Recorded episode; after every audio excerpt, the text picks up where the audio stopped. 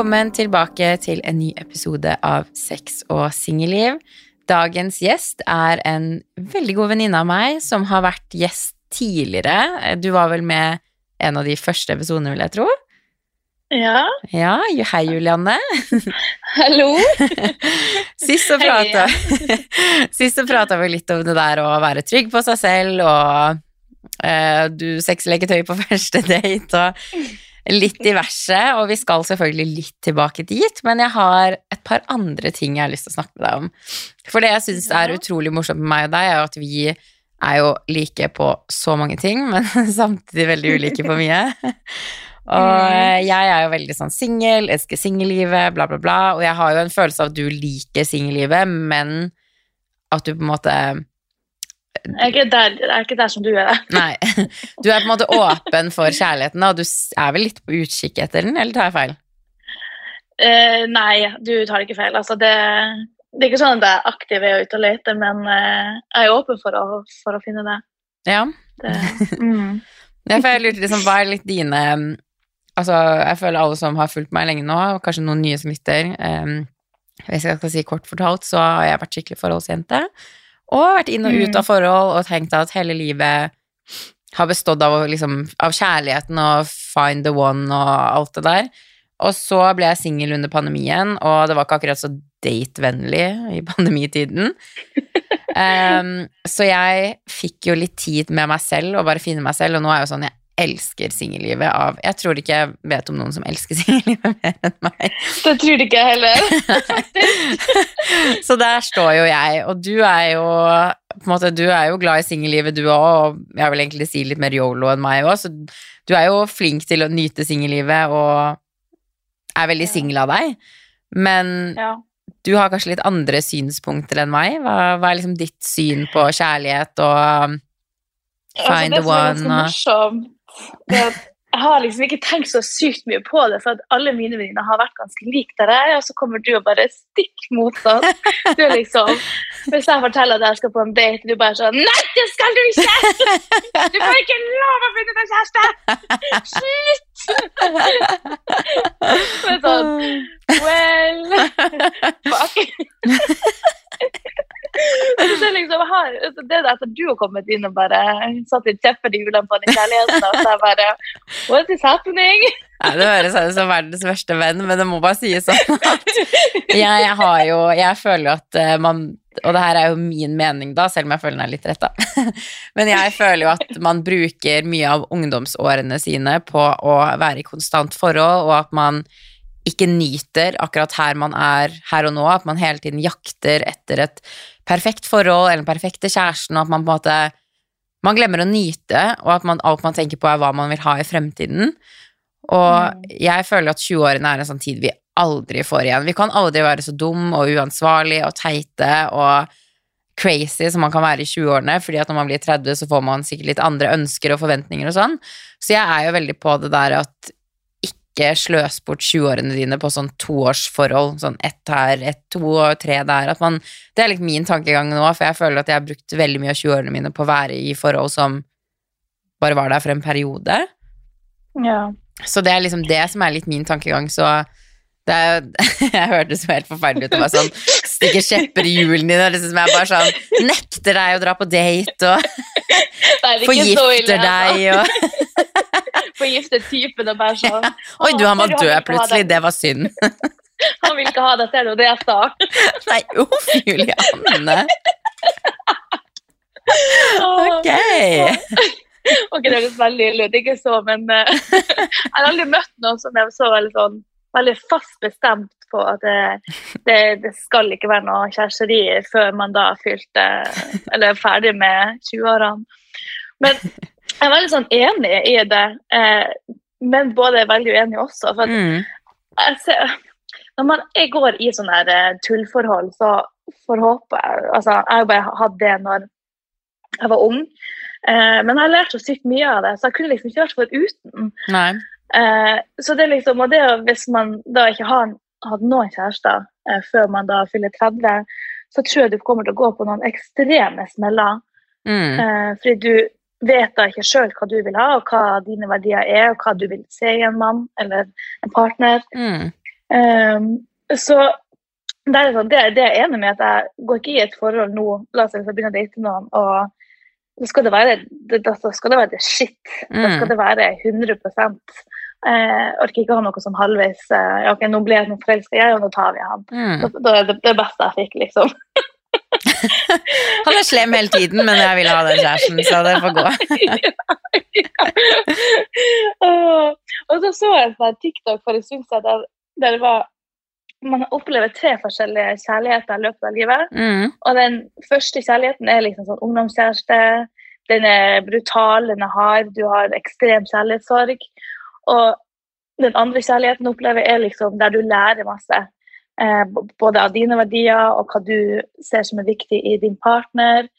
Og som kanskje sårer deg ekstremt mye, men Mm. som også bare Men og også den siste kjærligheten er liksom der du har funnet det du vil ha, altså det, det rette, da. Mm.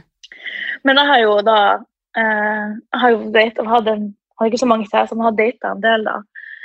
Og så har jeg tenkt at alle dem som var min første kjærlighet, og så har jeg alle dem i midten til nå, jeg har liksom vært en, en andre kjærlighet. på en Mm. måte. Jeg har ikke, for jeg har lært så sykt mye av hver enkelt.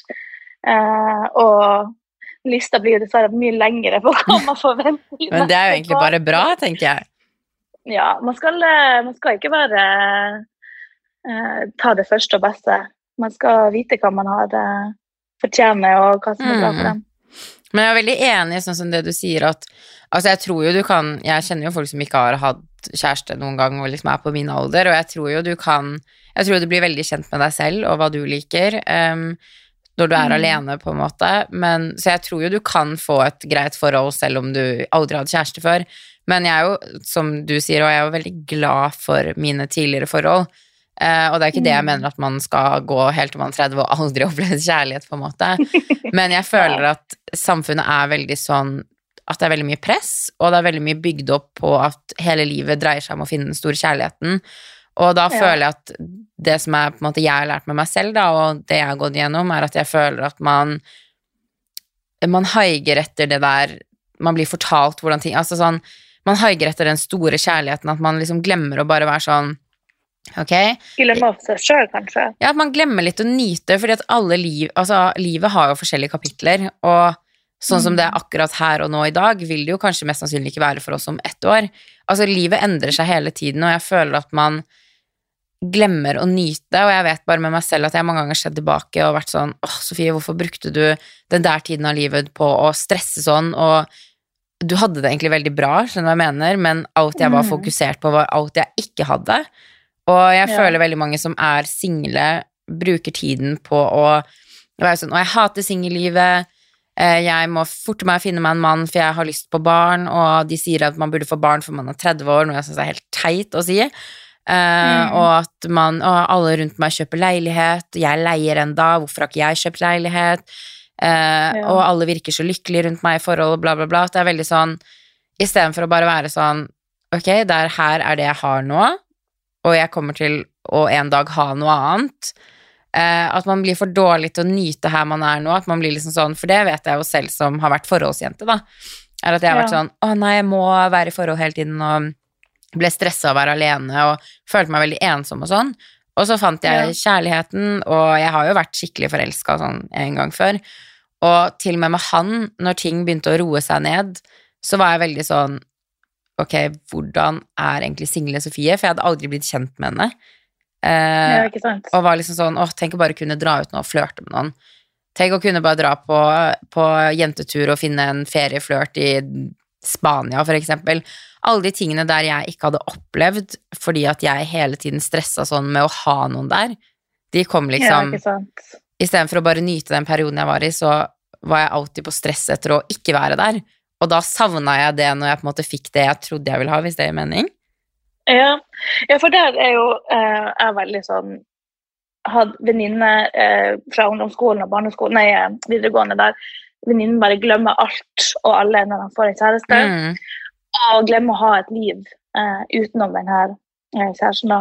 Og det husker jeg når før jeg fikk min eh, ordentlige kjæreste, så var veldig det sånn ok, men sånn vil ikke jeg være. Jeg vil leve eh, altså han, Min kjæreste skal ikke være en person som skal få meg eh, hva sa Hvordan skal jeg si det?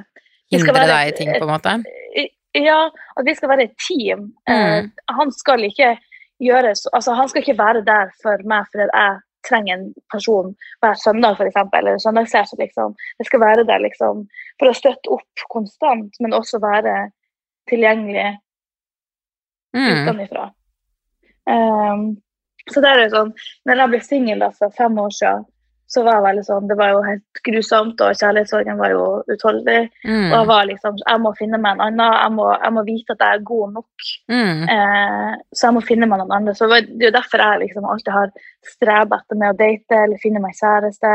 Og se på gutter bare hm, er du en potensiell partner. Mm. Og aldri ha det som ro inni meg, fordi at jeg alltid for at jeg må finne Jeg har alltid brukt det motsatte, eller for å finne meg en type, da, for at jeg skal føle meg bra, og at jeg skal Mm. føle meg bra nok. Eh, så det har alltid vært på feil grunnlag, da. Ja. Eh, så jeg var jo veldig sånn, når jeg ble singel, så sa jeg at hvis jeg skal ha meg en kjæreste, så må jeg kunne elske meg sjøl før han kan elske meg. Mm. Jeg kan ikke, for det er et ekstremt stort ansvar å putte på en annen person eh, for at man skal føle seg bra, og for at man skal føle seg elska. Mm. selvfølgelig så er det jo da hvor elska man føler seg, men det er det er, var, var ekstremt viktig for meg. Mm. det må på plass først. Og så bare ork, altså, Når jeg dater, og så bare sånn Nei, han, eh, hadde han i to-tre uker eller noen måneder, så bare sånn Nei, nå gidder jeg ikke mer, få det bort. Jeg liker singellivet like bra- likevel. Mm. Ja. Men, men allikevel så er jeg altså, Når jeg først får den der over meg at nå må jeg begynne å date, så blir jeg veldig sånn opphengt i det og blir veldig sånn lost. Eh, og det blir det jo sist. Eh, sist periode. Som, men det var inne i en sånn periode der at jeg bare nå må jeg finne noen andre for at jeg skal Mm. føle meg bedre. ja. Eh, og det er jo på helt flere grunner, for det er jo dømt til å gå dårlig. Men jeg tror veldig man kan kjenne seg igjen i akkurat det, fordi det handler jo litt Det handler jo litt om det der oppmerksomheten, skjønner du hva jeg mener? Det er sånn Ja. eh, Og jeg merker Før hadde jeg jo veldig sånn, eh, og jeg tror det her kommer kanskje til å høres rart ut for mange, men jeg føler det har endra seg litt, fordi at når du blir offentlig, så får du liksom oppmerksomhet uansett, hvis det gir mening. Sånn, Mm. ikke nødvendigvis at det er for gutter, men jeg har jo masse flotte folk som følger meg, som jeg ikke kjenner engang, som bruker tiden sin på å kommentere 'Å, så fin du er', og 'Jeg elsker håret Mm. ditt', og liksom sånn. Jeg får veldig mye bekreftelse via sosiale medier. Eh, Mm. men jeg husker jo på en måte før, da jeg ikke hadde den plattformen, så søkte jeg jo veldig den oppmerksomheten. ja. Eh, og det merker jeg jo eksempel når jeg er i utlandet, fordi at jeg, jeg får mye mer oppmerksomhet i utlandet. Så jeg føler meg jo som en queen når jeg er i LA, eller hvor jeg er, for det er liksom sånn Det er så mye komplimenter, og gutter stopper deg på gata, og det var liksom ja, sånn ja, ja. Her om dagen, det var så morsomt, for jeg hadde liksom jeg vet ikke, jeg har funnet ut at når jeg bodde i Tromsø, så har jeg ikke brydd meg så mye, skjønner hva jeg mener. Man, man kler seg liksom ikke så fint, og man bare gir faen. Det er sånn, Jeg gidder ikke å pynte meg for å dra på Sats, liksom, og det er jo det eneste jeg gjør i Tromsø. Og nå når jeg har vært her, så har jeg liksom tatt med fine klær, for at nå skal jeg være ti av ti når jeg går eh, rundt i Oslos gater. Eh, og den ene dagen så har jeg lyst til å ta på meg den outfiten, kule solbriller, jeg følte meg så sykt bra. Og jeg bare, jeg tror jeg utstrålte det òg, for jeg kunne liksom merke blikk, og det som var så morsomt, det var at det her har ikke jeg opplevd på mange år. Det kom en gutt løpende etter meg på gata. Han bare, jeg skulle egentlig andre veien, og jeg var på andre siden av veien, men jeg så deg, jeg måtte komme og spørre om nummeret ditt. Og det var liksom sånn Oi. tre gutter på én dag den dagen. Så Mm. da ser man liksom det må liksom være litt For det er første gang jeg har følt meg litt sånn pen igjen, og kul outfit, og det hjelper liksom, for man oser jo selvtillit på en måte, og man elsker jo når selvtilliten blir boosta av noen andre. Um, Så klart. så jeg tror ikke det er uvanlig i det hele tatt at man at man er på utkikk etter noen som kan gi deg en bekreftelse man føler man trenger, da, om det er på at mm, noen du kan ha sex med, eller noen som kaller deg pen, eller noen som bruker Mm, tid på å sende deg meldinger. Mm. Mm.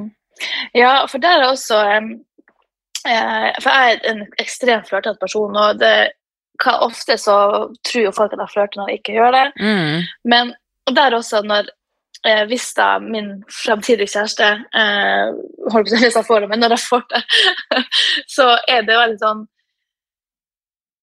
For der, det er jo liksom sånn her mm, akkurat på grensa til å være innenfor eller ikke. Men flørting syns jeg er veldig uskyldig, så fremst det liksom ikke blir liksom um, sånn fysisk kontakt eller liksom Mm. ta litt over på sosiale medier. Men la oss si man er på byen, både kanskje med venninne eller uten venninne, og så er det en fyr der som bare ja, ser fin ut, og så kommer han over på bordet og bare man begynner å flørte. Det syns jeg er dødsgøy. Altså, Med eller uten kjæreste. For det er liksom det handler ikke om at man vil ha ham, men det er bare den oppmerksomheten man Mm. får, og hvor mye bedre man føler seg. Ja. Ehm, så det var faktisk snakk om det i helga, med, for det var noe sånn festerigreier. og Da var det et av spørsmålene er det liksom red flag, eller er det liksom eh, eh, Er det OK hvis det, man flørter på byen, selv med, når man har kjæreste? Mm. Og jeg bare sånn, nei, peis på, herregud, man får jo den busen, og man drar jo hjem, med, eller drar hjem til kjæresten sin uansett. Um, men det er jo veldig da, forskjellig da, fra person til person. Det handler jo om om man er trygg i seg sjøl òg, da. Eller Ja, og jeg er veldig enig i det der. Det husker jeg liksom sånn, jeg og Morten hadde det jo liksom sånn, vi begge var enige om at det er lov å flørte på byen. Um, Mm. og det tror jeg liksom er viktig, fordi at ja, du vet at kjæresten din elsker deg og liker deg og syns du er fin og flott og peneste jenta i verden og alt det der, men det er liksom sånn Det gir deg noe. Fordi at du får vanligvis bare oppmerksomhet fra én gutt, og det er liksom nice å vite at man enda er i gamet, og at andre vil ha deg. Så. For meg òg var det viktig å liksom flørte litt på byen, og det var aldri noe sånn Jeg tenkte jo hele tiden hadde det her vært, Hvis det her hadde vært motsatt, hadde det vært greit for meg? Og det er et sånn enkelt spørsmål å stille seg selv, og hvis svaret er nei, så må man jo åpenbart kutte ut med det. Ja. Um, og det går en grense. Man kan sitte og ha en hyggelig samtale med noen uten at, som du sier, at du vil ligge med en person. Det er bare en liten sånn boost i selvtilliten, da. ja, og jeg tror kanskje det også kan være en eh, måte å holde forholdet i live på også. Mm. For det er jo liksom, det er jo akkurat på grensa med å flørte med andre på byen.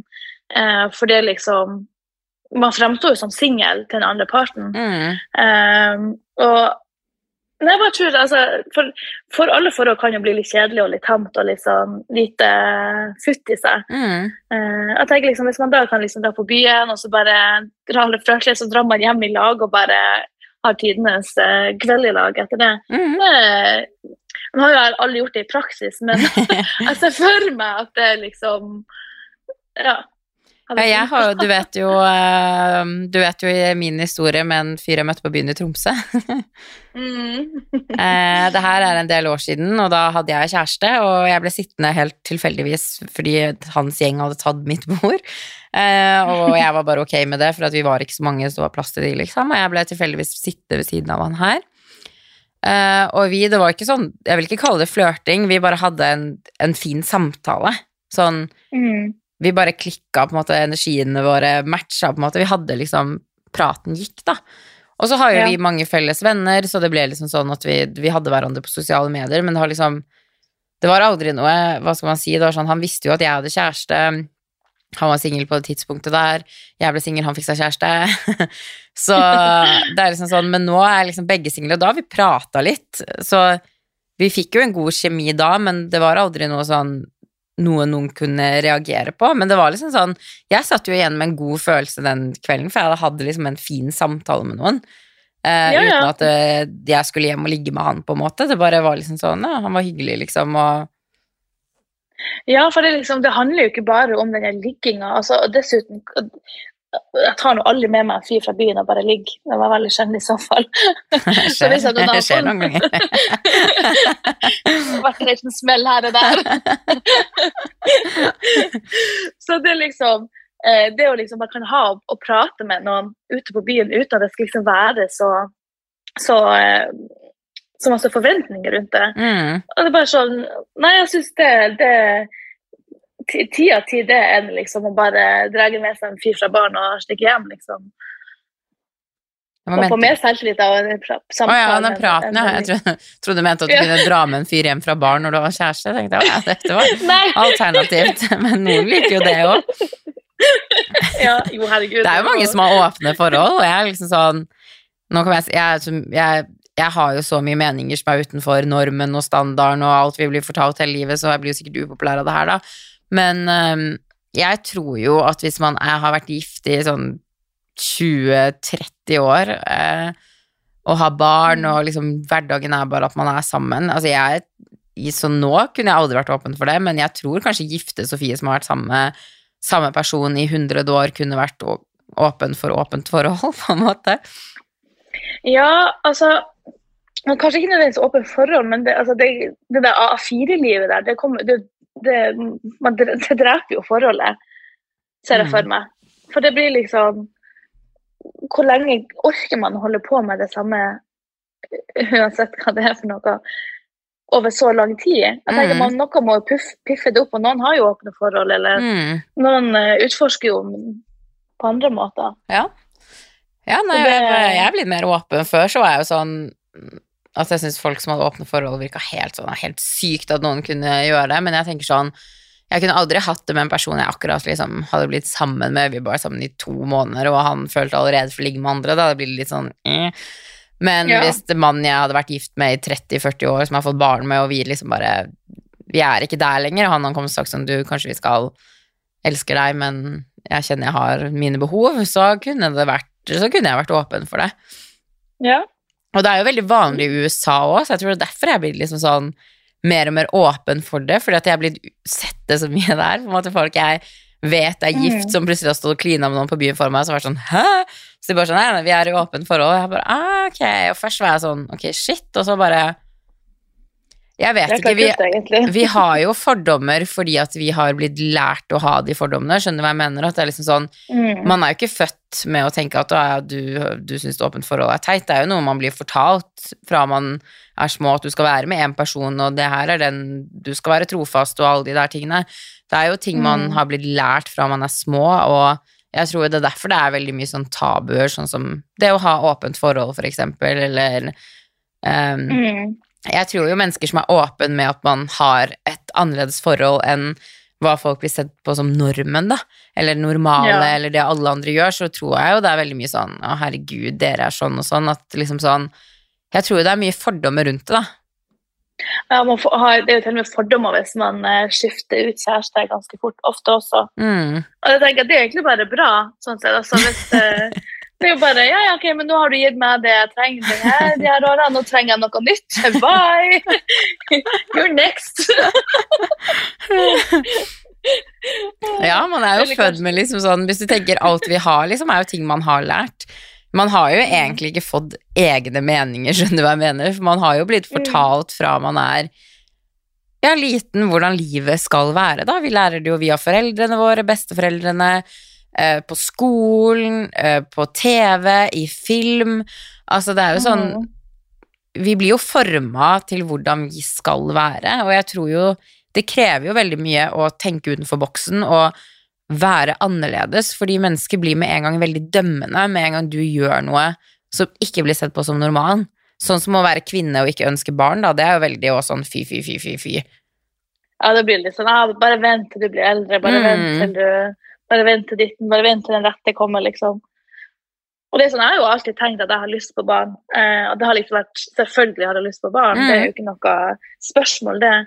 Men jo eldre jeg blir, og nå jobber jeg jo da med barn, jeg har tantebarn, Mm. og bare hvor, hvor eh, Og jeg elsker det for alt på jord, eh, men eh, det ansvaret og jeg, altså det, Hvis jeg kan velge det bort, og sånn som det er nå, så, har, så ser jeg ikke for meg at jeg har lyst på barn, faktisk.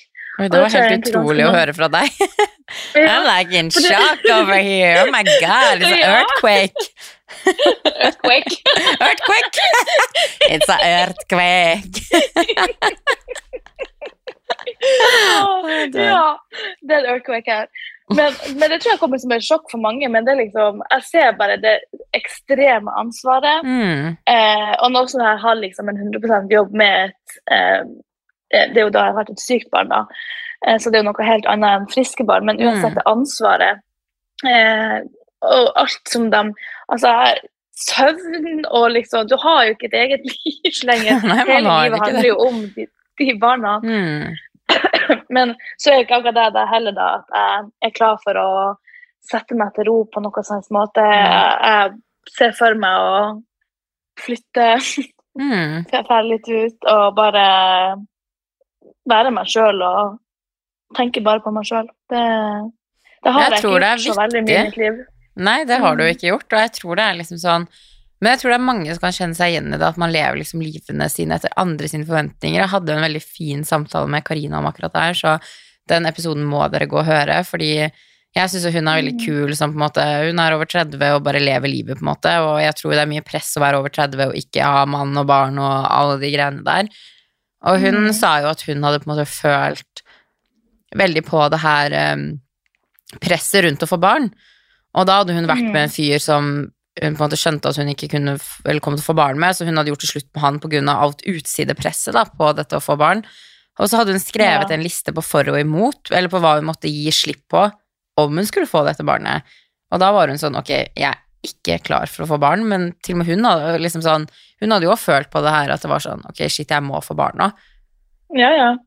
Og det tror jeg mange føler på. Jeg tror det er viktig liksom sånn Jeg tror jo på når foreldre sier at å, barn er det beste som har skjedd meg, fordi at når du først har fått det barnet, og du har det der, og selvfølgelig elsker du barna dine overalt på jord. Jeg vil jo tro at til og med jeg som ikke vil ha barn, hadde jeg fått et barn, da, så hadde jeg jo selvfølgelig elska det barnet, men jeg vet ikke, jeg tror bare Jeg vet jo med meg selv òg at akkurat nå så Man lever liksom én gang. Man har det her livet, og vi har så mange muligheter. Jeg bare kjenner at før jeg eventuelt slår meg til ro med en person som jeg tenker at ok, du er den personen jeg kanskje skal gifte meg med, så har jeg lyst mm. til å ligge litt rundt. Jeg har lyst til Ja. å kunne flørte. Jeg gleder meg til vi skal til Marbella i sommer og Hot Girl Summer, og den kunne jeg ikke hatt med en Mhm. kjæreste. Jeg har lyst til å oppleve verden. Jeg vil heller bli mor som 40 og vite at ok, Sofie, du har virkelig levd, nå kan du slå deg til ro og bare nyte det å ha det rolig, da. At jeg kommer Ja. dit i livet, enn at jeg bare er sånn Ok, samfunnet forteller meg at nå må jeg forte meg å få barn fordi biologiske klokke er 30 om tre år, bla, bla, bla, bla. bla. At liksom sånn Ja. At jeg tar valg på mitt liv på mine premisser, og ikke for at andre forteller meg hvordan jeg skal leve det, da. Ja, og det er liksom, Hvis vi liksom skulle fått barn nå under press, så selvfølgelig hadde jo elska barnet og gitt alt det det hadde trengt, men hvor lykkelig hadde man vært sjøl? Mm. Og når det barnet la seg begynne å bli vokst til, hvor mye altså, ønsker ikke vi da å komme oss ut av den her eh, sonen vi er da i? Mm. Eh, det ser jo jeg for meg. at eh, hvis, jeg, du skal få, hvis du skal få barn nå, så bare Vi hadde gjort, vært fine mødre begge to, men når ungen begynner å bli liksom fem-seks år, så bare ok, men nå kan jeg begynne å leve litt igjen. For det er liksom For min del så handler det liksom om at jeg skal være trygg i meg sjøl, og Mm. jeg har en sånn personlighet at jeg vil ut i verden. Mm. Jeg vil se verden, jeg vil oppleve verden, og jeg vil finne meg sjøl på, på alle mulige plan. Og den som da eh, får barn som er ung, og ønsker det, og har hatt en, en og samme kjæreste, gift og hele pakka, det er jo noe de har valgt, og det er ikke sånn man, er, man ser ned på dem. Mm. For det er jo forskjellig forskjellige personligheter. Ja, ja, men jeg er bare sånn Jeg er ikke den personen, jeg har ikke den personligheten. Og Mhm. derfor er det så Fordi den personligheten der, eller de personene der, de ser, ut, de ser jo samfunnet på som suksess, suksessfulle. Mm. Suksessfulle, eller hva man si det. Mm. De har fått det til i Mm. livet, på en måte. Ja, og så bare Ja, ja, så fint for dem, da, men eh, ja, I'm not that er person. Nei, og det Yes. tror jeg liksom Jeg tror man må huske at man er forskjellig, fordi selvfølgelig er det jo noen der ute som virkelig som ikke kan kjenne seg igjen i de tingene jeg sier, og tenker bare ah, gud, Sofie, du går glipp av livet og ikke har kjæreste på barn. Uh, Mm. og man er jo forskjellig, men jeg føler veldig at det er veldig akseptert å være den personen som på en måte gifter seg og får barn og går den veien, men det er mindre akseptert å være kanskje meg, da. At man Mm. er sånn at man vil ikke ha barn, og jeg havner jo ofte i diskusjoner når jeg snakker om singellivet, det har jo du og vitna til. Em, Mm. Fordi at folk er veldig sånn ah, du skal ha kjæreste, bla, bla, bla. Med en gang jeg mener noe annet, så blir det veldig sånn ja, men sånn og sånn og sånn og sånn, på en måte. Så jeg vet ikke, jeg tror det er viktig å liksom, uansett om du er barn, familie, den typen, eller om du er på en måte litt mer singel, vet ikke hva du vil, vil bare leve livet, at det, vi er forskjellige, og det er greit å være begge, på en måte. Ja. En ting jeg på en måte også syns det er veldig kult med deg, da, men som jeg også har lært meg når jeg har blitt kjent med deg, er jo at du er jo ekstremt selvsikker på mye, men samtidig har du òg dine usikkerheter, og jeg tror jo for mange, når man liksom ser deg, du oser liksom selvtillit. Sånn liksom sånn når du er på byen, du Ja, du går kledd i det du vil gå kledd i, du danser sexy, du er liksom sånn alle tingene jeg ikke klarer å være. Men samtidig også har du liksom sånn Jeg føler jeg er sterk på noe der du er svak, og du er svak på noe der jeg er sterk. Ble det riktig, eller ble det at jeg var sterk begge Mhm. gangene? Ja. Uh, Ja. Men jeg syns jo du er veldig flink til å gi faen, da, i mye sånn eh, Og jeg er jo aldri sånn Der vi er veldig forskjellige, at jeg våkner jo alltid opp med fylleangst. Jeg kan jo være sånn Å, herregud, jeg sa hei til vakten. Hvorfor sa jeg det? Det var veldig teit av meg, da. Altså, jeg kan analysere alt jeg gjør når jeg er ute på fylla. Og du er liksom sånn, du kan ha den mest crazy natten som hadde gitt meg sikkert fylleangst i sånn tre år frem i tid, og du bare våkner opp og er sånn Ja, nei, jeg tenker ikke over det. ja, men det var ikke deg. Det er gjort. Ja, men jeg elsker det. Men jeg liksom sånn, hvordan kommer man dit at man klarer å gi mer faen? Eh, jeg vet ikke, men jeg tror altså, Når jeg var yngre, så Mm. var det veldig sånn at jeg var skulle, altså, jeg var people pleaser. Det var Jeg skulle liksom ikke gjøre noen eh, irritere noen. Altså, alt skulle, altså, jeg kunne gjøre Jeg var tjeneren deres. Altså, det, jeg var liksom bare der. Um, Mm. Og var veldig sånn Hadde behov for å bli sett av Mm. eh, Og jeg sier jeg ikke ble det, men jeg tror ikke jeg fikk den uh, skalaen helt nok opp til å bli sett, hvis du skjønner. Um, og jeg tror bare det at jeg har vært så eh, Meg og søstera mi vi er jo ekstremt ulike. Eh, hun har liksom eh, hatt samme kjæreste eh, i tolv år, gift barn, eh, hus, bil, fast jobb, ferdig utdanna rett etter videregående. Og jeg, jeg er ikke sånn. Jeg, vi er så ekstremt ulike. Og Mm. eh, jeg har ikke fått tyn, jeg har absolutt ikke fått tyn for det, men jeg har følt meg for annerledes. Mm. Eh, og jeg tror jeg har vært sånn OK, men skal jeg fortsette? Skal jeg gå sånn som hun, den samme veien som den veien? Eller skal jeg gå min egen vei og elske det? Og da tror jeg bare også få den der bare sånn Jeg gir faen i hva folk tenker og mener om meg. Altså, vær så god, det bryr ikke meg noe om det. Altså, jeg sover like bra på natta om folk hater meg eller ikke gjør det. Altså, Mm. jeg tror bare at jeg, bare sånn, jeg orker ikke å bruke energi på ting jeg ikke kan endre på. Og jeg kan ikke endre på personligheten min, sånn, eller sånn som jeg er født. Og jeg kan ikke endre på at jeg satt og dansa med ræva ute på Gründer forrige torsdag, liksom. så det liksom Og jeg tenkte litt på det, for jeg så de storiesene du la ut på Nære venner, og jeg bare sånn Juliane, nå jeg å puste. Og så er jeg bare sånn Nei, men ikke se på dem, da. Og så sier jeg nei, jeg må se på dem. Jeg må jo se hvordan jeg danser. Jeg må se hvordan jeg vært. Og så bare Nei, nei, men det er greit. I'm done. Ferdig. Orker ikke å bry meg. Det var gøy. Det ja, de var jo ikke noe ille heller. Du var jo You, were- you were feeling yourself. mm, Veldig. Og det er bra. Og jeg tenker liksom sånn Det du først nevnte med at du gikk en vei og søsteren din gikk en vei, det er jo veldig Hun er, går jo den veien vi har blitt fortalt hele livet at vi skal gå. Det er jo det snakker mye om, og som jeg virkelig bryr meg om, er jo fordi at med en gang du går utenfor den veien, og skal jeg si, for noen er jo det rett, noen elsker A4-livet over alt på jord, og det er helt Mm. greit, men noen gjør ikke det. Um, Mm, og det skal være greit, det òg. mm. Ja. Men man føler seg ofte liksom sånn Jeg får jo ofte høre også, liksom, med min jobb, så er det sånn Skal ikke du ta en utdannelse? Så er det sånn Nei, det, jeg tror ikke det er for meg. Skole Jeg har gått skole fordi man må. Kan ikke akkurat droppe ut av barneskolen, liksom. Så jeg har gått skole fordi at jeg måtte gå skole, og jeg har prøvd, og jeg har funnet ut at jeg er mye mer kreativ utenom det jeg lærer på skolen. Um, Mm. Og jeg skal fortsette å bygge på det jeg har nå. Jeg har, kanskje jeg har lyst til å ta en utdannelse når jeg er 40, who knows, liksom, men man må kunne akseptere at folk er forskjellige, og at ikke alle har lyst til å følge den veien som er på en måte skrevet opp for oss før vi i det hele tatt er født, da. Mm. Ja, og det er også når det kommer til liksom, med selvtillit, at man får veldig sånn knekk i eh, seg sjøl når man er forskjellig. Fordi at en ting er jo det å, å være oss enten i en familie eller vennegjeng eller arbeidsplass, at man, det blir så tydelig når man er så veldig forskjellig. Og, og hvis man blir liksom sett eh, litt ned på da, eller blir liksom sett så mange spørsmål rundt de valgene man tar, så, så setter man jo spørsmål seg sjøl. Men herregud, skal jeg kanskje endre meg? Bør jeg Mm. kanskje gå en annen vei?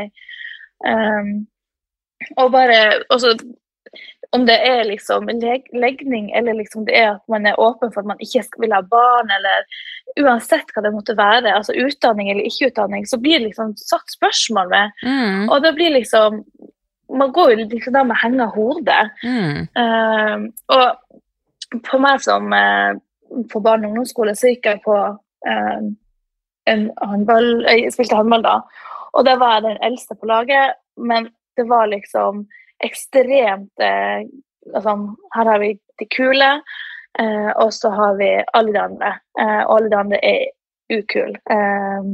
og de er liksom dritten, da. Og jeg tror altså, jeg var jo ekstremt underkua. Og jeg var liksom, gikk med hodet ned. Jeg var liksom Ikke se på meg, men jeg vil bli sett på.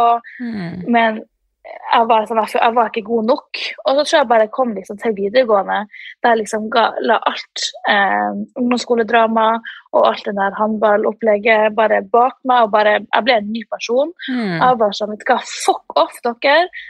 Nå må jeg bygge meg sjøl opp, og da må jeg gi mer faen i hva andre syns om meg. Mm. Og da tror jeg egentlig bare ja, så når jeg også møter folk eh, for, jeg, for, jeg, blir så flau ofte når jeg møter mye folk, eller tidligere da jeg var yngre, og jeg blir så eh, rødma. Eh, og det var så grusomt, for det gjorde bare ti, ti ganger verre. Mm. Så jeg bare sånn, ok, jeg må, eie, jeg må eie når jeg går inn i et rom, jeg må eie det når jeg liksom møter folk. Og da fikk jeg kontroll på den rødminga. Eh, og de klamme hendene det hadde jeg også ekstremt mye. Ja. Og når folk skulle liksom håndhilse, jeg bare sto og gnikka handa mi på buksa for jeg skulle få bort svetten. Liksom. Helt grusomt. Ja. Så jeg tror bare det at det liksom det blir min nye person, og det blir at altså det jeg kommer automatisk i meg når jeg liksom mye, møter nye folk da, og i ubehagelige situasjoner. For liksom, fake it till you make it. Lat som du har kontroll, og lat som du er tidenes mest selvsikre person. Mm. og så vil du føle deg bra etter hvert. ja, men det, selvtillit har så mye å si, eh, og hvordan du Mm. Møter andre mennesker. Og det var det jeg snakka litt om her i stad, og plutselig folk kom og spurte om nummeret mitt og sånn. Eh, det er lenge siden Mm. jeg har hatt den selvtilliten jeg har gått ute. På en måte, Det er lenge siden Mm. jeg har Så den dagen der Jeg fikk så mye oppmerksomhet. Og det er lenge siden jeg Mm. bare har hatt en sånn selvtillit, fordi at jeg bare har vært sånn Ja, ja, jeg er nå bare her og trener og eh, ikke jobba så mye med det, egentlig. Og man er jo liksom Man er sin verste fiende, og det man forteller seg selv, blir jo sannhet. Altså hvis du Mm. står hver dag og forteller deg selv i speilet at fy faen, så stygg jeg er, eller Ja. eh, jeg er så blakk, eller «Å, jeg har bare stygge klær, og bla, bla, bla, bla, bla, hva enn man forteller seg selv når man ser seg selv i speilet, så er det jo det du til slutt blir å tro på. Ja. Man tror jo på de tingene man blir fortalt, på en måte, og det er liksom sånn eh, Å fake it till you make it er ekstremt undervurdert, fordi hvis du hver dag nå begynner å bestemme deg for at uansett hva de, hjernen din forteller deg at du skal si, så må du på en måte jobbe over det. Så selv om du ikke tror på det i starten, så må man bare stå i speilet og si sånn Å, shit, så pen du var i dag. Faen, så deilig du er. Og hvis man gjør det her til en rutine og gjør det hver dag, det funker. Ja, det var jo sånn jeg kom meg ut av min verste eh, periode med, med dårlig selvtillit og med bulimien, som vi Mm. snakket om i den eh, episode tre eller fire. Ja. Uh, og eh, det jeg måtte, jeg måtte jo tvinge meg sjøl til slutt å bare si at, eh, man ser, at jeg så bra ut i speilet, og at eh, for at jeg skulle klare å tenke på neste dag og komme meg eh, og få liksom, komme opp av senga, da, så måtte jeg liksom bruke kvelden før eller rett før jeg skulle sove, legge meg og bare sånn Det blir en bra dag i morgen, det blir en bra dag i morgen, det blir en bra dag. Og til slutt så trodde jeg på det, og det, til slutt så kom jeg meg opp og kom meg på jobb og skole og Mm. fikk det jo bra. Så det er liksom også det å, å bare gå inn i en situasjon der eh, alle ser på deg, eller du er helt ny. Altså, jeg, var, jeg kjente jo ingen altså, Jeg begynte å spille håndball på nytt, men jeg har jo- kjente jo ikke noen der. Og det var liksom uttakstrening og 40 stykk, tre stykk som skulle liksom dømme deg hvordan du spilte, eller hvordan du skulle bli lagt inn på lag. Og jeg bare sånn Det her er det verste man vet. Mm. Eh, men jeg bare sånn Jeg må jo bare eie det, så jeg kan ikke Altså, enten så får jeg legge meg ned og gå med hodet senka og være den eh, taperen jeg var på ungdomsskolen, liksom, barneskolen, eller så kan du heve deg opp og være den selvsikre personen du alltid ønsker å være. Ja, tankens kraft har seriøst Mm. alt å si. Det er jo samme som hvis man forteller seg selv Det er sånn som du sa, i morgen skal bli en da, bra dag, i morgen skal bli en bra dag. Hvis man hele tiden forteller seg selv sånn åh, i morgen skal det bli en drittdag, for jeg, bare, jeg får bare sove i fire timer i natt, eller og jeg hater å stå opp Mm. tidlig, jeg gruer meg til å våkne tidlig i morgen, eller og jeg hater å trene, jeg gidder ikke å trene og trening, og det er bare stress å trene og bla, bla, bla. Når man forteller seg sånne ting, så blir jo det realiteten. Alt man forteller Mm. seg gjentatte ganger, vil bli din realitet. Og jeg tror ikke mennesker no, alltid forstår hvor mye power og kraft det ligger i det man forteller seg selv. Både negativt og positivt. Ja. Og det er jo sant, du kan jo smile deg lykkelig, på en måte. Det der har jeg gjort på mine verste dager, når ting har vært jævlig kjipt. Sånn som her eh, Du vet jo, jeg har hatt mine stress med diverse ting i noen Mm. måneder nå som har prega meg ekstremt mye, og jeg har jobba så sykt med meg selv. Og jeg våkna opp her en dag, det var rett før jeg dro til Oslo, og jeg bare følte at det bare var skikkelig dritt.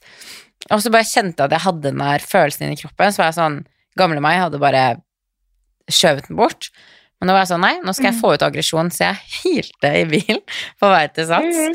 Og jeg, jeg har ikke Mhm. hylt jeg er sikkert ikke siden jeg var barn, så jeg visste ikke hvordan man hylte for det første. Så jeg bare sånn, Først hadde jeg sånne rare hyl, og, bare, og så begynte jeg å le av meg selv, for jeg fikk ikke til å hyle. Og så fikk jeg til det slutt. Jeg, jeg skreik gjennom hele tunnelen, dere som bor i Tromsø, liksom fra sentrum og til Altså Langnes, da. Jeg skrek gjennom hele veien. Jeg bare hylte og skreik og bla, bla, bla.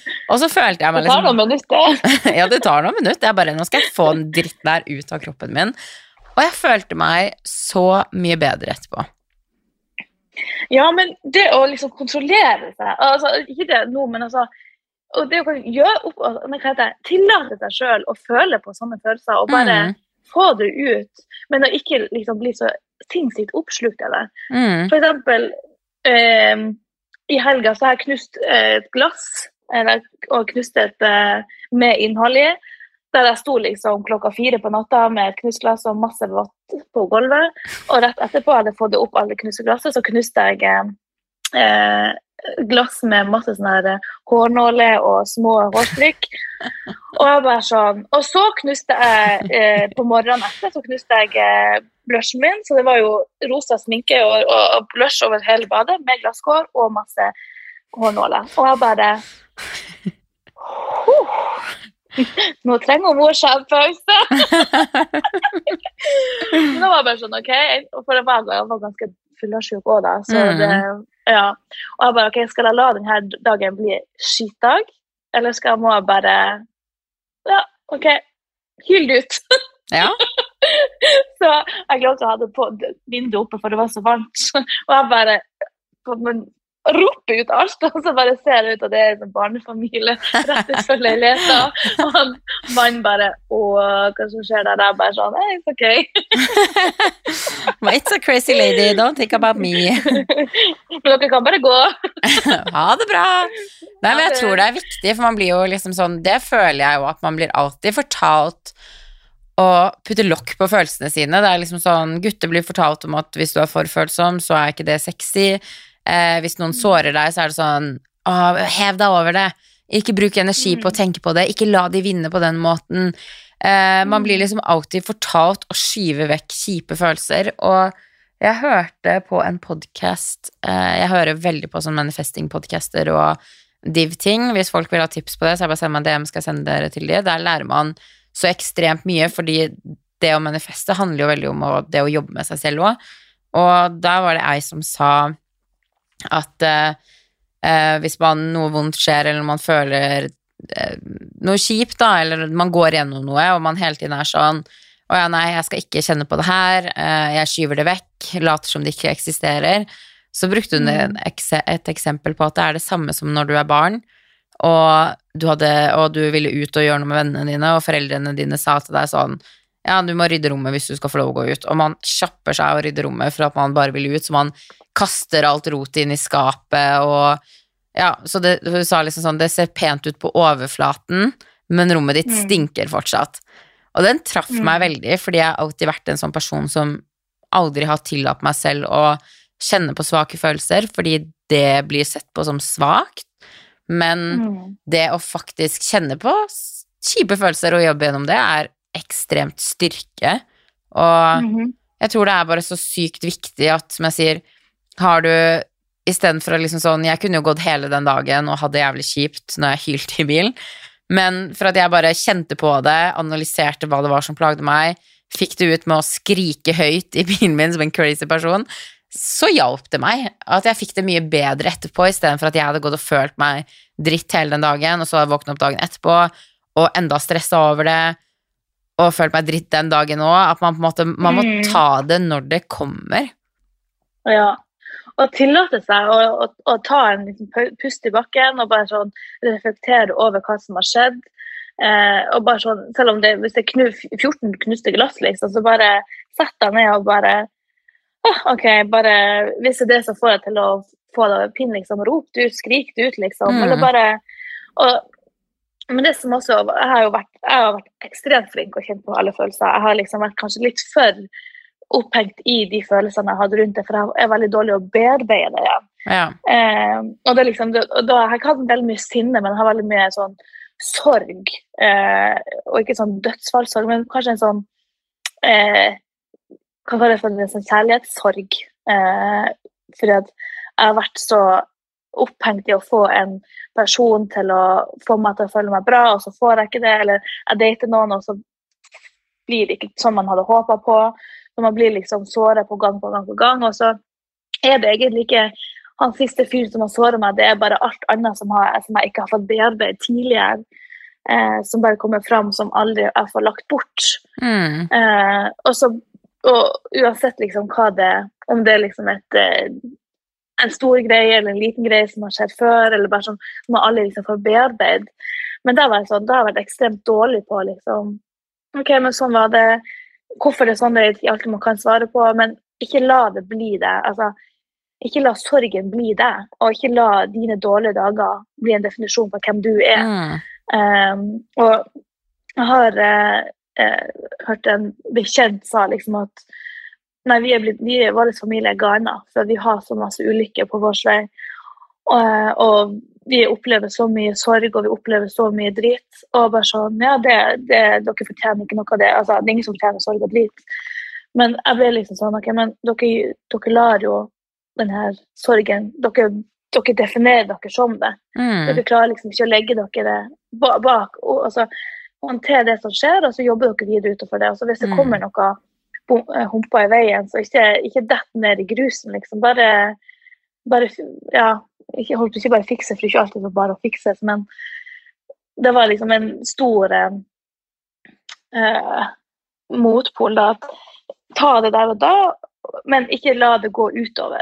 Altså, det blir, det blir definisjon på livet deres. At Mm. dere har det enten er dere gane, eller at vi vil aldri få det bra i vårt, Mm. vår familie eller vårt liv, fordi at det er bare sorgen som, som uh, treffer oss. Og da er det sånn, ok, men fokuserer dere noen gang på det positive, da? Ja, for det blir jo ofte Eh. sånn hvis man er veldig hengt opp i det mindsettet på at livet suger, og at alt dritt skjer deg, så er det jo Mm. det du vil få Altså, du vil ikke legge merke til de positive tingene som skjer i livet, fordi at det negative har en så sterk påvirkning på deg. Og det Mm. husker jeg liksom sånn du, Nå sa jo du og det selv, at du kan henge litt igjen i ting, og jeg husker jo når du liksom har fortalt om ting, så har jeg vært sånn Å nå skjedde det her egentlig? Og du bare Nei, det er mange år siden. Og jeg bare sånn Hæ, du snakker som at det skjedde i går, liksom. Um, Mm. og jeg tror jo det er mange som har vanskeligheter med å gi slipp på ting, og jeg tror ofte det er for at man dveler så mye med det. Man, ehm, man tenker på hvorfor er det sånn, hva har jeg gjort galt, for og imot, bla, bla, bla.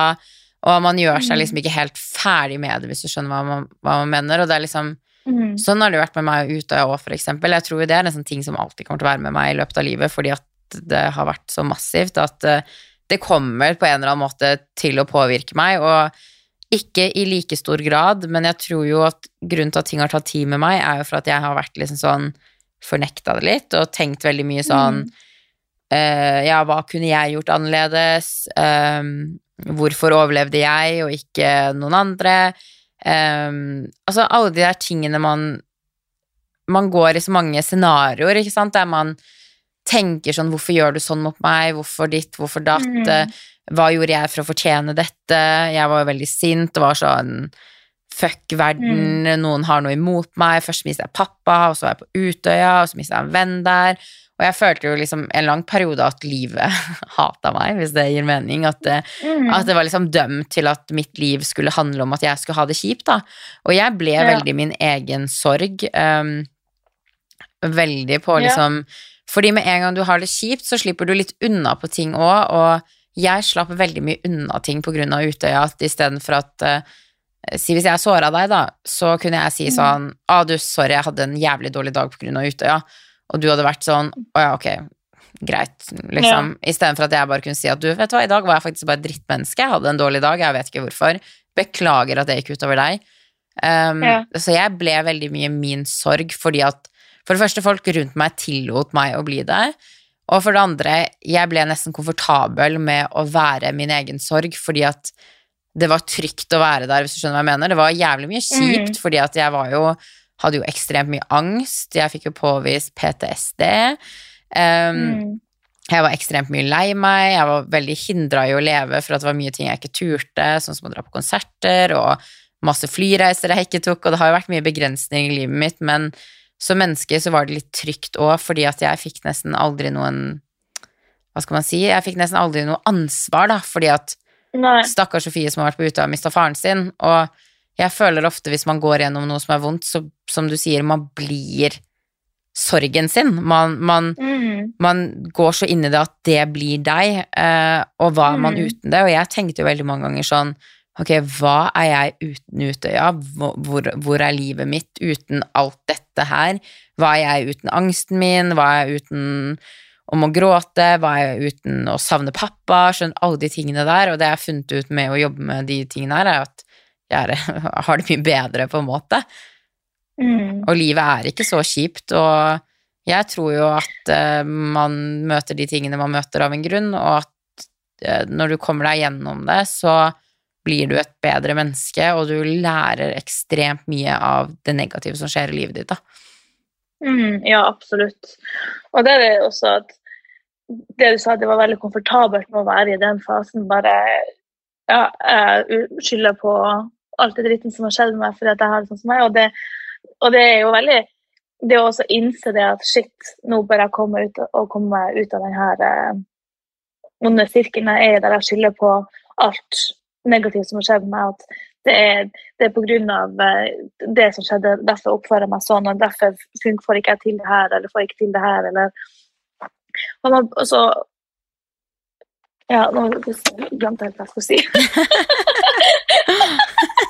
visste det er Ja, det går fint. Jo, at jeg er veldig komfortabel, man er veldig komfortabel i den, i den uh, ringen sin, da. Mm. man, og, man, og man må jo jobbe for at det skal, man skal komme seg ut av det. Og det er jo veldig tiltak å skal ta og gjøre en endring. Både Det på krever og livsstil. Masse. Fordi Mm. det, det er ikke bare sånn at du har det bra over natta, på en måte. Det krever ekstremt mye tid, ekstremt mye Mm. tårer, det krever ekstremt mye sinne, det krever ekstremt mye følelser du må gå gjennom. Men det er så Mm. verdt det in the end, og Mm. jeg kunne aldri gått tilbake til å være Utøya Sofie. Um, fordi jeg var et offer, ti av ti, men jeg fortsatte å være et offer lenge etterpå. Uh, Mm. Fordi at det føltes trygt og komfortabelt for meg, fordi at jeg slapp unna med så mye. Det var liksom sånn Det var lettere på skolen, det var alt Alt ble liksom tilrettelagt for meg. Jeg måtte aldri ta noe ansvar, og jeg vet jo bare sånn hvis noen som har vært på eller kjenner noen, hører på den podkasten, alle har forskjellige historier. Og hvordan jeg oppfatter ting, er ikke nødvendigvis sånn som noen andre oppfatter det, men nå forteller jeg kun mine historier og hva jeg har fått erfare. Og Mm. jeg vet jo at jeg Det ble veldig usunt for meg å hele tiden høre 'stakkars deg', og ingen Mm. turte å stille meg krav fordi at Altså, jeg var jo bare en ungdom da alt det skjedde, ikke sant, og det var jo to heftige ting ehm, som man skulle liksom gå igjennom, og jeg tror ikke, hvis folk ikke har vært igjennom noe sånt før, så man kan ikke forestille seg det engang, og jeg tenker mange ganger når jeg ser tilbake at shit, Sofie, du var 14 år, faren din døde plutselig. Eh, to Mm. år senere var du på Utøya, og du er her du er i dag, på en måte. Eh, Mm. Det er eh, Noen ganger kan jeg på en måte ikke tro selv hva jeg har vært igjennom, men det har på en måte og vist meg at uansett hva livet kaster på meg, så ordner det seg.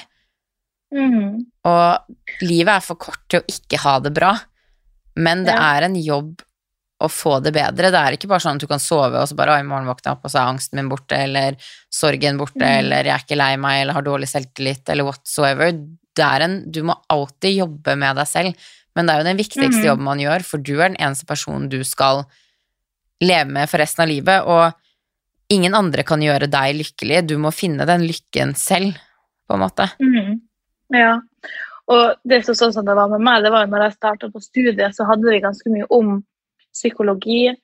Eh, og jeg traff på ekstremt mange selvsikre, fantastiske folk som bare sånn Sånn vil jeg være. Og som bare som lærte meg veldig mye eh, om det å liksom stå i eh, tunge ting, eller lære seg å håndtere tunge ting. Og både de mine studievenninner og eh, under forelesningen så var det liksom så enkelte ting som bare sånn eh, satt på plass i hodet mitt. og bare sånn, Shit, er det sånn jeg følte det? For eksempel, jeg fikk under, jeg hadde psykologi, og da sa foreleseren at eh, barn som får søsken, eh, opplever ofte, eller mange opplever da kjærlighetssorg fra, fra mor. Eh, og jeg bare så, å herregud, det er jo akkurat det jeg følte, når, for jeg var jo da seks år når uh, lillebroren min kom. Mm. Og var jo da det minste lille barnet, liksom, og var det i veldig, veldig mange år. Og så kom det da eh, en liten gutt og bare tok av all oppmerksomheten. Eh, og jeg bare gikk jo i grus. eh, og min måte å liksom eh, håndtere det som barn, var jo å være sur. Være sur Mm. og sta. Eh, så eh, det var liksom ekstremt mange ting som bare datt på plass. og bare sånn ok, men nå skjønner jeg hvorfor jeg har gjort sånn som det her, og jeg ser Mm. liksom eh, kan se hvorfor eh, foreldrene mine har reagert sånn, eller søsknene mine har reagert sånn, eller venninnene mine har reagert sånn, og hvorfor jeg har reagert sånn som jeg gjorde på den hendelsen. Og da bare blir det sånn oh wow, så, så kult at man kan helbrede seg sjøl med, med lærdom fra mm. studier og venner. Eh, så jeg slutta å være min egen sorg. Jeg slutta å gjøre meg selv som et stakkars offer som, ja, som hadde opplevd det og det, og som følte på det og det. Og, ja, så det var, og det var bare ekstremt befriende. Og hvor, liksom, hvor selvsikker man òg blir av å liksom finne ut av seg sjøl. Mm. Det er Det er, helt altså, utrolig. Ja, altså, det, liksom, det kan ikke beskrives engang. Det er liksom det er ingen som kan komme og knekke meg nå. Mm -mm. Fordi at jeg har, altså, jeg har alt det grunnleggende i meg nå. For at Mm. jeg kjenner meg sjøl, jeg vet hvorfor Hvis jeg reagerer sånn, så skjønner jeg hvorfor jeg gjør det. Og, og det er bare sånn Jeg sier ikke at alle, altså, det er oppskriften til alle sammen, men det er bare sånn Kom deg ut i verden og bare og hvis du har liksom husmann og barn og kanskje ikke har funnet deg sjøl ennå, så er det ikke, altså, du trenger ikke å reise til Australia for å finne deg sjøl. Men det er bare åpne, åpne opp eh, ditt indre sinn. Ja, men det er den viktigste jobben man gjør. Jeg tror dessverre veldig mange ikke gjør den jobben. Eh, og jeg hadde jo aldri gjort den jobben ordentlig før måte, pandemien kom og man ble litt tvunget til å være med seg Mm. selv. eh, Ja. Og det er liksom, jeg er så takknemlig nå for at jeg hver dag gjorde de tingene her. Og det som vi snakka veldig mye om i Manifesting, er jo the inner child. Eh, og det er traumer vi har tatt med fra barndommen vår, som fortsatt påvirker oss i voksen alder. da. Eh, og alle har Mm. opplevd ting i barndommen som gjør at man enten oppfører seg sånn eller tenker sånn eller har den og den meningen. Eh, og det å faktisk gå tilbake i tid og gjøre en skikkelig dypdykk i seg selv, sitt egen Altså hvordan man oppfører seg, eh, hvordan, hvorfor man reagerer sånn og sånn, hva som skjer, bla, bla, bla, bla, bla. Det er så ekstremt viktige, og jeg husker liksom sånn med meg før, da da jeg drakk sånn rundt etter tiden med Uta, jeg kunne bli illsint. Altså av den minste ting. Eh, jeg krangla alltid med kjærestene mine, jeg reagerte på sånne små ting, bla, bla, bla. bla. Det var så Nei, altså, jeg får nesten panikk når jeg tenker tilbake til den personen, for at det skal veldig mye til for at jeg blir illsint. Og jeg ble en Jeg tror alle har helt sett deg så sint. Hæ? Jeg har aldri sett deg noe sint. Nei, det skal veldig, veldig mye til nå, men før skulle det ekstremt lite til, og da var det sånn Jeg husker at jeg bare til slutt bare våkna på en dag og bare sånn Ok, jeg kan seriøst ikke oppføre meg sånn her mer. Og jeg slutta å Mm. drikke en periode, og så måtte jeg finne ut hva er det som gjør Hvorfor trigger alkoholen noe i meg som gjør meg så sint? Hva er det som ligger der som trigger dette frem? Um, og da fant jeg ut av det. Så det å liksom stille seg selv spørsmål hvorfor føler jeg det her? Eh, hvorfor Mm. gjør dette meg sint? Hvorfor reagerer jeg når den personen sier sånn? Og faktisk, istedenfor å bare skyve det vekk og tenke sånn å nei, aldri, må, ingen må se denne siden av meg selv. Snakk om det, snakk med deg selv om det, finn ut av det. Det er, det, det er så viktig å Mm. do the work. Og det Mm, kommer jo ja, med selvtillit òg, liksom. At det er liksom sånn Forteller du deg selv hver dag at du er stygg og jævlig og mislykka, det kommer til å bli virkeligheten din, det blir realiteten din, fordi at det er det du forteller hjernen din hver eneste dag, at sånn og sånn er du. Mm. Så, Ja. så man må bare Nå har jeg begynt å stå opp hver dag, og jeg takker for ting jeg har, på en måte, for å bare minne meg selv på hvor heldig jeg er. Jeg får ikke lov til å stå opp av sengen og sjekke telefonen før jeg har takka for om så det bare er to ting. Så i dag var jeg sånn, satt jeg meg opp i sengen, og jeg bare ok, hva er jeg takknemlig for? Så måtte jeg tenke litt, så var jeg bare sånn, jeg er takknemlig for at jeg har et sted å bo. Jeg er takknemlig Mm. for Celine. Jeg er takknemlig for vennene mine. Jeg er takknemlig for bestemor, bestefar. Jeg er takknemlig for mamma. Altså sånn man, man har så mye fint i livet sitt som man glemmer, for man er så å, jeg må ha det, og jeg må ha ditt, og jeg må ha den jobben, og de vennene, og den kjæresten, og det håret, og den kroppen, Mm. at man bare noen ganger glemmer at ok, jeg har faktisk sykt mye bra i livet mitt som du har jo noe andre bare kan drømme om, ikke sant? Altså, man Mm.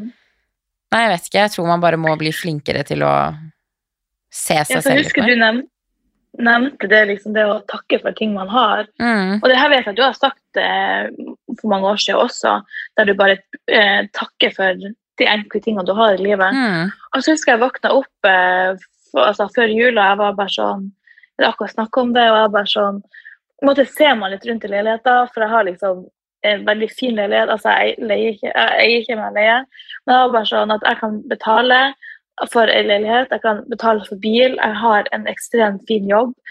Eh, jeg har så mange fine venner, jeg har en stor, fin familie, og har liksom ikke noe eh, uoppgjort med noen. Jeg har liksom det fint. Jeg har Mm. ingenting, jeg mangler ingenting. Og jeg kan dra ut og dra på restaurant, jeg kan gå ut på byen, jeg kan dra og kjøpe meg en ferietur. og Jeg har, jeg har råd, jeg har penger til og jeg har muligheten til det. Jeg lever ikke under fattigdom, jeg, har, jeg lever ikke i krig.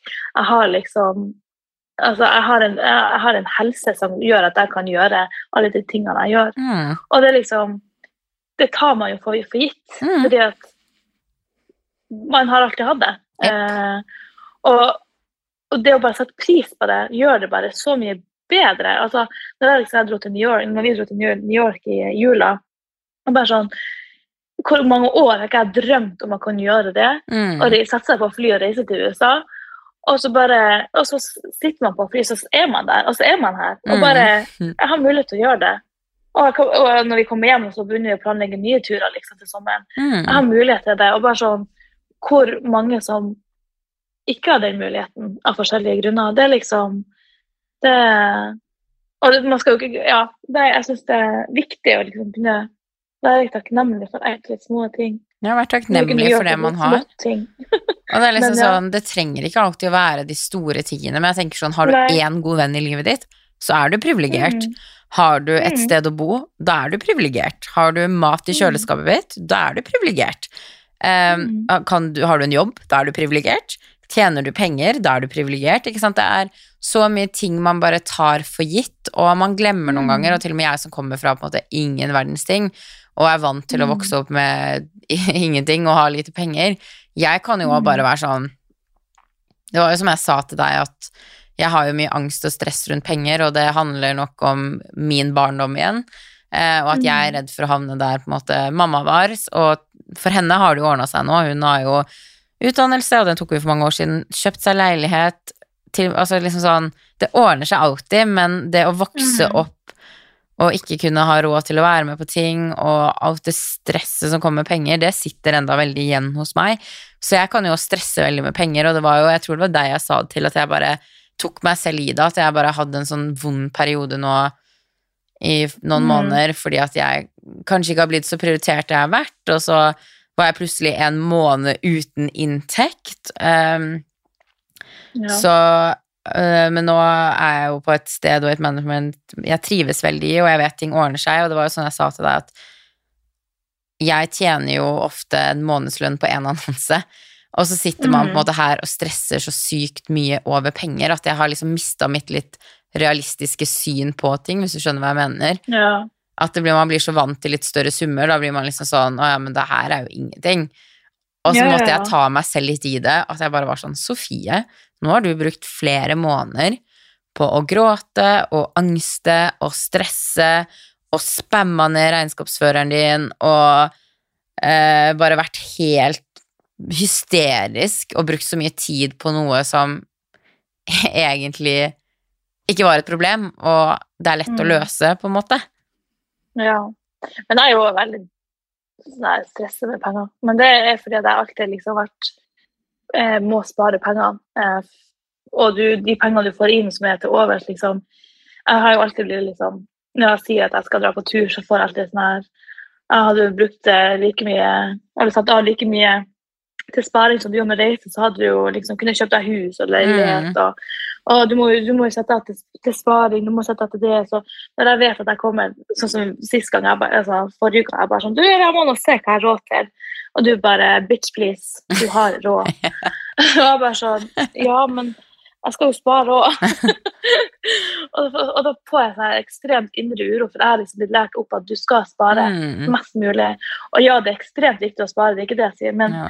jeg har liksom jeg har levd så mye mitt liv på andres premisser og på Mm. andres eh, måter, da.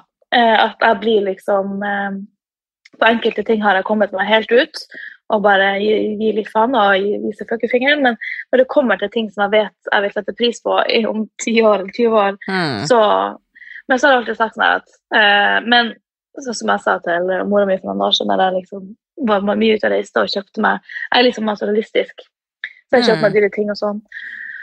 Og så sier jeg men vet du hva, mamma, hvis jeg dør på denne reisen, skal du i hvert fall vite at jeg dør lykkelig. For det, jeg, gjør akkurat hva, jeg gjør det jeg, har lyst til. Mm. Uh, og hvis jeg da holder meg hjemme og dør om 20 år i en leilighet jeg egentlig ikke har lyst til å bruke penger på, så det, hadde det vært større sorg. Mm.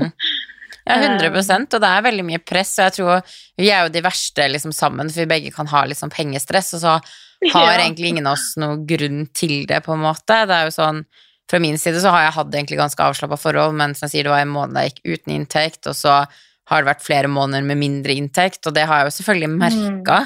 Eh, og så har jeg vært sånn faen at jeg ikke har gjort noe med dette før, så blir man litt sur på seg selv, og så er det stress, og så ordner alt seg, og det var derfor det liksom sånn Jeg kjenner meg veldig igjen i deg, så, og jeg vet Mm. at du plutselig kan få sånn innfall der du bare sitter og stresser så sykt med penger, og så Mm. ødelegger det hele dagen din, og jeg skjønte det var der det kom fra når jeg fikk den snappen fra deg, så jeg var bare sånn Mhm. jeg har hørt på det tusen ganger før, jeg gidder ikke mer, Julianne. Liksom. Du vet at du har råd, og du vet at det ordner seg.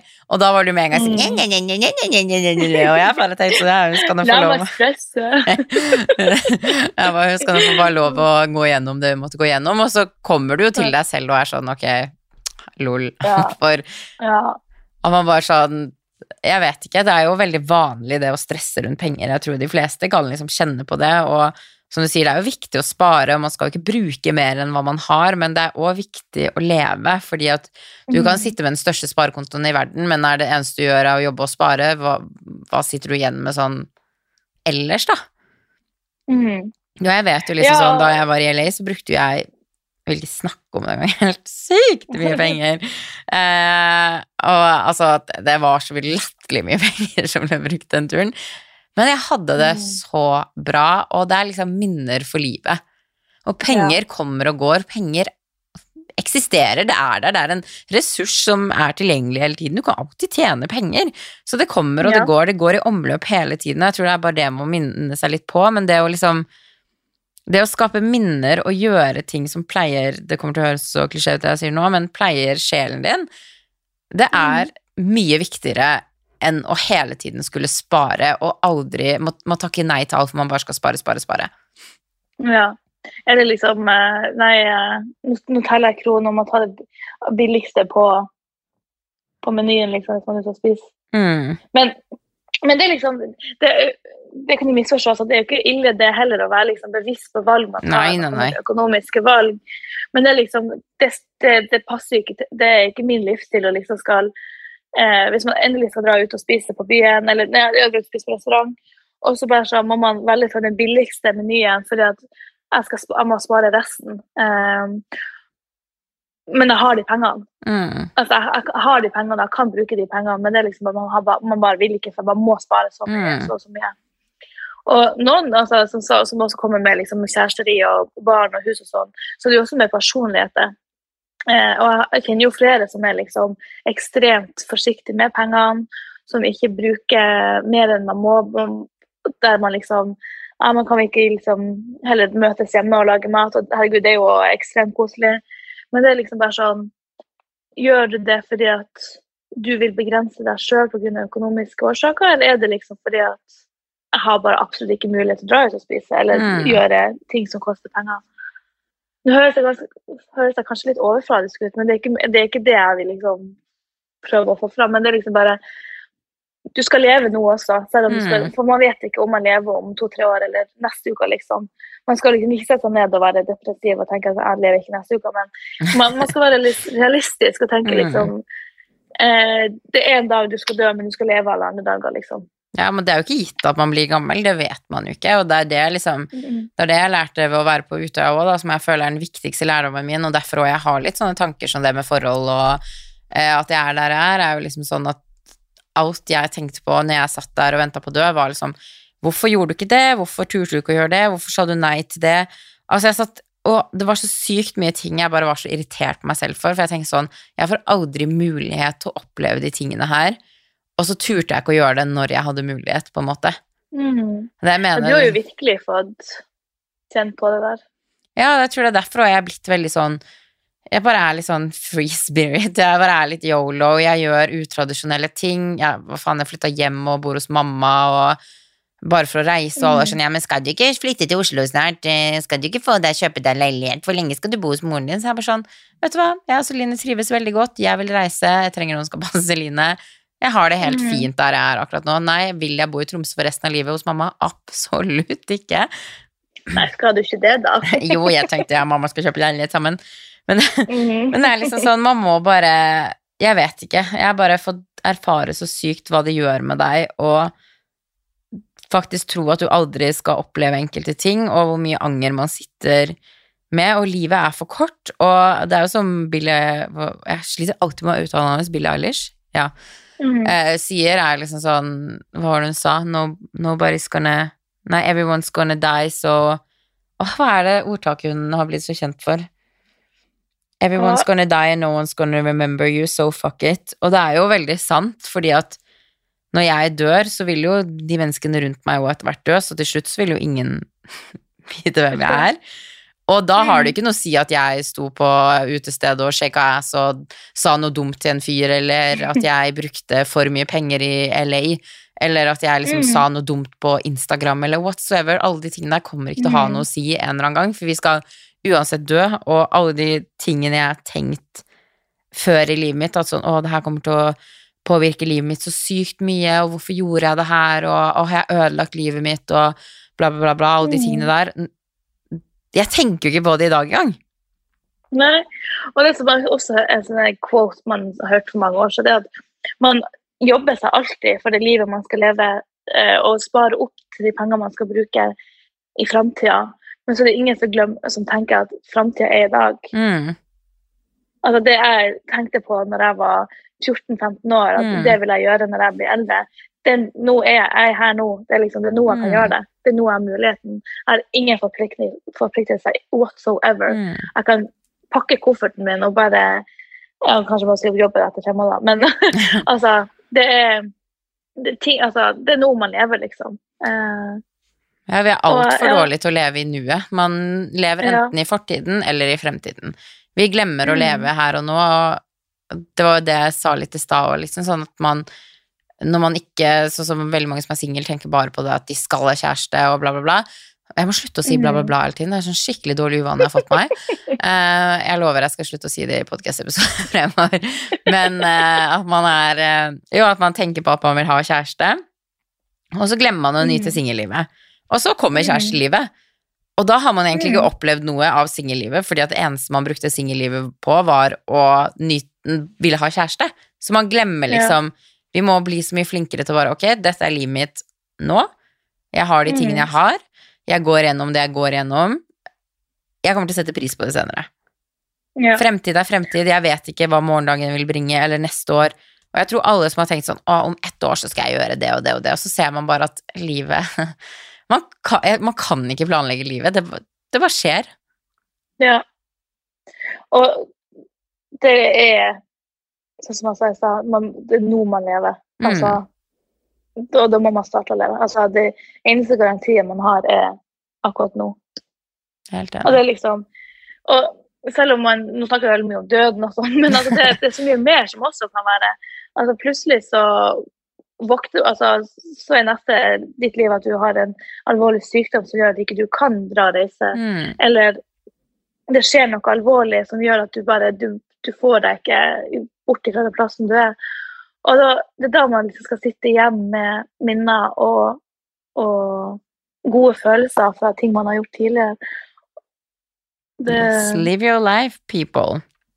yes. Ok, Siste avslutningsspørsmål Ja. her. Nå, her kommer det å gå rett fra alvorlig når vi prater om død og altså, helt sånne syke temaer. Nå kommer jeg på det helt annet. Men du snakka jo litt sist om eh, sexleketøy på første date og selvsikkerhet i senga og diverse ting. Mm. Er du, er du der enda? Har du fortsatt like mye selvtillit? Tar du fortsatt med deg vibratoren i veska di? Hvordan? Gi oss en oppdatering. ja, altså den selvtilliten er der enda. det er det absolutt. Men uh, jeg er ikke en sånn uh, Jeg har ikke vært så på veldig mye dater uh, siden sist. Jeg har kanskje vært på to. Eh, og begge de gangene så var da vi pratet mye mindre. Men det er jo der nå at eh, når jeg har fors eh, eller nach, så kommer jo den der eh, sexkurven min fram, og er på utstilling til alle som er der. Så, Mor hinter til hva hun har å tilby. Yes. Så, eh, så det er jo litt gøy, da. Men eh, jeg har ikke med altså, Jeg sa at jeg hadde med meg en vibrator alltid når jeg dro på byen, uh, men uh, den har ligget hjemme hele til at ferdig lata når jeg kommer hjem. Å ja, jaså. Jeg husker jo da vi var i Marbella. Jeg kom på deg, for jeg begynte å tenke på oh, vår episode. Så skulle vi dra og hente. For vi kom på et eh, afterparty, og så han ene som hadde det, han var edru og kjørte da. Eh, Så var vi sånn, ok, dere hadde dritdårlig drikke her, kan du kjøre oss hjem så vi kan hente ny Nå hørtes det ut som de var, men det var helt forferdelig, den drikken de hadde der. Jeg tror ikke de hadde drikke der engang. Nei, jeg tror det var sånn gammel vin, eller det var noe Ja, det, det var ikke Ja. nok til at vi kunne kose oss, i hvert fall. Så han kjørte oss jo hjem, og jeg og Jolanne går og henter gin, og bla, bla, bla. Så bare plutselig ser jeg du pakker vibrator i veska di. Jeg bare Hva gjør du? Du bare Nei, han ene var kjett der. Så du liksom bare tok med just in case. ja, og det var så veldig var jo, den lå jo alltid konstant i veska, for det var jo bare veska tok meg ut. Og så skulle du låne en uh, lipline eller Lipsyl eller noe, det er noen dager etter, for vi var sammen med dem en hel. Og så, skulle du da, og så finner du ikke i den store veska, så du bare tømmer hele veska på bordet foran alle, og der bare detter den rosa vibratoren. Ah, ja, ja, de ble sikkert bare sånn bare- oh. De bare what the fuck? De bare Who is this girl? Ok, men Eh, siden du har litt sånn selvtillit og diverse ting som jeg må lære meg å få når det kommer til sex Em, Jeg og Nora hadde en samtale her på um, Da hun var gjest hos meg i podkasten, der vi snakka litt om det der å fake at sex er bra.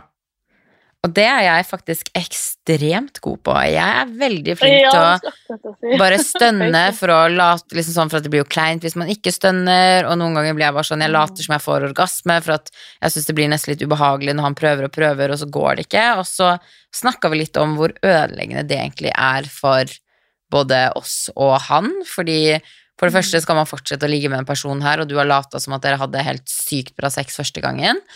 Um, så vil jo han tenke at han trenger ikke å gjøre noen endringer. Uh, og jeg føler det er veldig jenteting det her å fake at sexen er bra. Jeg føler veldig mange jenter gjør det. Mm. Så mitt spørsmål var, gjør du det? Uh, det, jeg har gjort det, ja.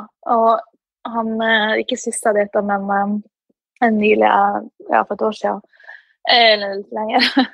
Han eh, Der var ikke sexen så veldig bra. Så da var det liksom eh, Nei, det her går ikke. Jeg, har, ikke jeg har ikke behov for noe mer enn lengre aktivitet, så da, da faka det, liksom. Mm. Men det er veldig sjelden jeg gjør det, fordi jeg har alltid med meg vibratoren i, i, når jeg har sex med noen. Fordi at da sier jeg bare sånn um, For jeg får dem til å komme, og så uh, vil jo dem da fortsette, eller få meg til å komme, og så blir jeg sånn Nei, men da tar vi bare vibratoren, liksom, for at jeg, det er til av ti det er orgasmegaranti, liksom. Mm. så nei, jeg, jeg, det er ikke ofte. Det er ekstremt sjelden det skjer. Vel, kanskje litt mer før, når man ikke helt visste hva hva man holdt på med, og bare 'det her var ikke noe bra'. Men de siste årene så er det ikke noe jeg gjør, nei. Ja, ok. Men så har jeg ikke hatt så ekstremt eh, mye aktivitet da, på den fronten, da. Nei, for det vi snakka litt om òg, som jeg tok meg litt i, er jo liksom sånn det å bruke sexleketøy til alt, fordi at eh, Si hvis man liksom sånn Jeg tror, og det er litt viktig å bruke finger noen ganger, fordi at det er liksom sånn Skal alltid sexleketøy være den eneste tingen som får deg til å komme? Det er faktisk veldig ironisk, for vi snakka faktisk om det i helga med, eh, når jeg var ute. Mm. Eh, og da var liksom eh, slikking, liksom. Ja. Eh, og bare ja, hvor, hvor har dere opplevd bra slikking og sånn? Og bare sånn, nei, fordi at Nei, jeg har ikke det. Jeg syns ikke det er noe sånn, jeg har aldri kommet av det. Og jeg syns ikke det er noe jeg roper hurra for. Og de bare what? Hvorfor ikke? Så sier men jeg tror fordi at jeg alltid har en vibrator med Mm. 1000 watt, liksom, som der eh, jeg forventer at det skal være like mye vibrasjon som en Mhm. vibrator som i tunga, liksom. Så um, det tror jeg det har jo absolutt ødelagt. Uh, og jeg er veldig lite utholden når jeg kommer Altså, hvis noen skal gå ned på meg, da, så blir jeg sånn OK, men kan jeg gjøre det fort og, fort og godt, liksom? For det er det jeg vet. Vibrator ofte eh, Ja, at man sånn stresser det- stresser litt og bruker liksom Man Mm. forventer en ting, man blir så vant til vibrator at man bare vet sånn ok, kjapp orgasme. Mm, ja, og bare Ja, nei, så det, det har nok absolutt ødelagt eh, for min del, da. At, eh, at når noen går ned på meg, så forventer jeg liksom at det skal være 1000 watt på den tunga der. Ja, og det, det er jo ikke virkeligheten. nei, absolutt ikke. Så Så- nei til Kanskje man må begynne å bruke litt mer finger, og jeg skal slutte å fake at sex er bra når det ikke er bra. Sofie er 27 år, kanskje på tide. Og så må jeg bare si Mhm. at det er en sånn rar knirkelyd inne, så hvis det har vært en irriterende lyd i bakgrunnen, så må jeg bare beklage for det. Um, hm? har du hørt den? jeg har ikke hørt den. Ok, så bra. Den er litt sånn For det første sitter jeg i en litt sånn, sånn skinnstol òg, så hver gang jeg rører meg, så blir det sånn knirkelyd, og så er det Jeg har prøvd å finne ut hele episoden, hva faen er den lyden der, men jeg klarer ikke helt å finne ut hvor den kommer fra. Så hvis det har vært noen sånn lyder i bakgrunnen, beklager for det. Og så vil jeg bare takke deg, Julanne, for at du stilte opp i denne episoden. Vi har jo snakka om alt fra A til Å. Det føler jeg blir sånn hver gang jeg gjester nå. Man bare bla, bla, bla, bla. Så, men det er veldig gøy gøy. Det er Ja. kjempegøy. Det er veldig gøy at du vil ha meg. Of course. eh, Det, jeg tror nok Julianne kommer til å være litt sånn gjestedommer, holdt jeg på å si. Gjestepodkast. Det kommer jo til å være vanskelig å finne nye mennesker hele tiden, så litt du, litt Tobias, ja, litt folk dere syns det er morsomme å ha i studio, kan jeg selvfølgelig spørre om har lyst til å komme igjen. Um, og som sagt, det var veldig, veldig hyggelig å ha deg, så tusen takk for at du stilte opp. Ja, det var veldig hyggelig å komme her. Ja, men så bra. Men da snakkes vi i min neste episode, så håper jeg at dere likte den her. Ha det bra! Ha det!